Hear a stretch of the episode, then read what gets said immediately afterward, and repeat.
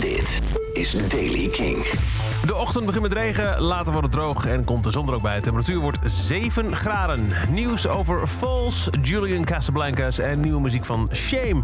Dit is de Daily King van vrijdag 4 december. Edwin Congrave is toetsenist van de band Falls en heeft gezegd dat hij bijna de band had verlaten uit twijfels over hoe te toeren in tijden van klimaatverandering. Hij zegt het in de podcast What Planet Are We On van de BBC.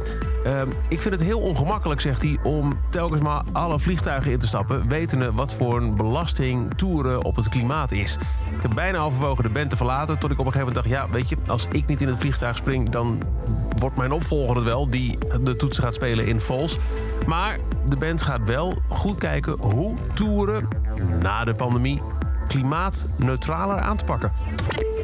Julian Casablancas, de frontman van The Strokes, heeft gezegd dat hij weer contact heeft gezocht met Daft Punk om iets te doen. Eerder deden ze dat in 2013, toen zong hij op de Daft Punk single Instant Crush.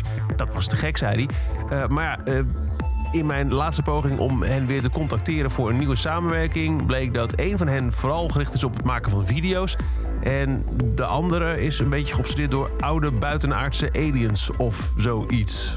Kortom, moeilijk. Jammer zegt hij wel, want Instant Crush was echt wel heel cool.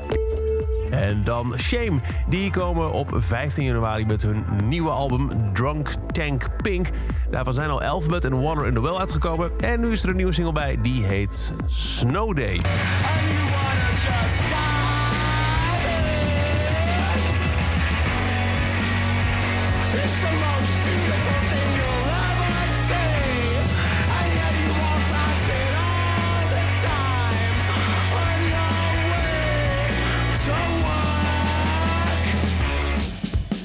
Snow Day van Shame. Tot zover deze aflevering van de Daily Kink. Elke dag een paar minuten bij met het laatste nieuws en nieuwe releases. Niks missen? Luister dan dag in dag uit via de Kink-app, kink.nl of waar je ook maar naar podcast luistert. Elke dag het laatste muzieknieuws en de belangrijkste releases in de Daily Kink. Check hem op kink.nl of vraag om Daily Kink aan je smart speaker.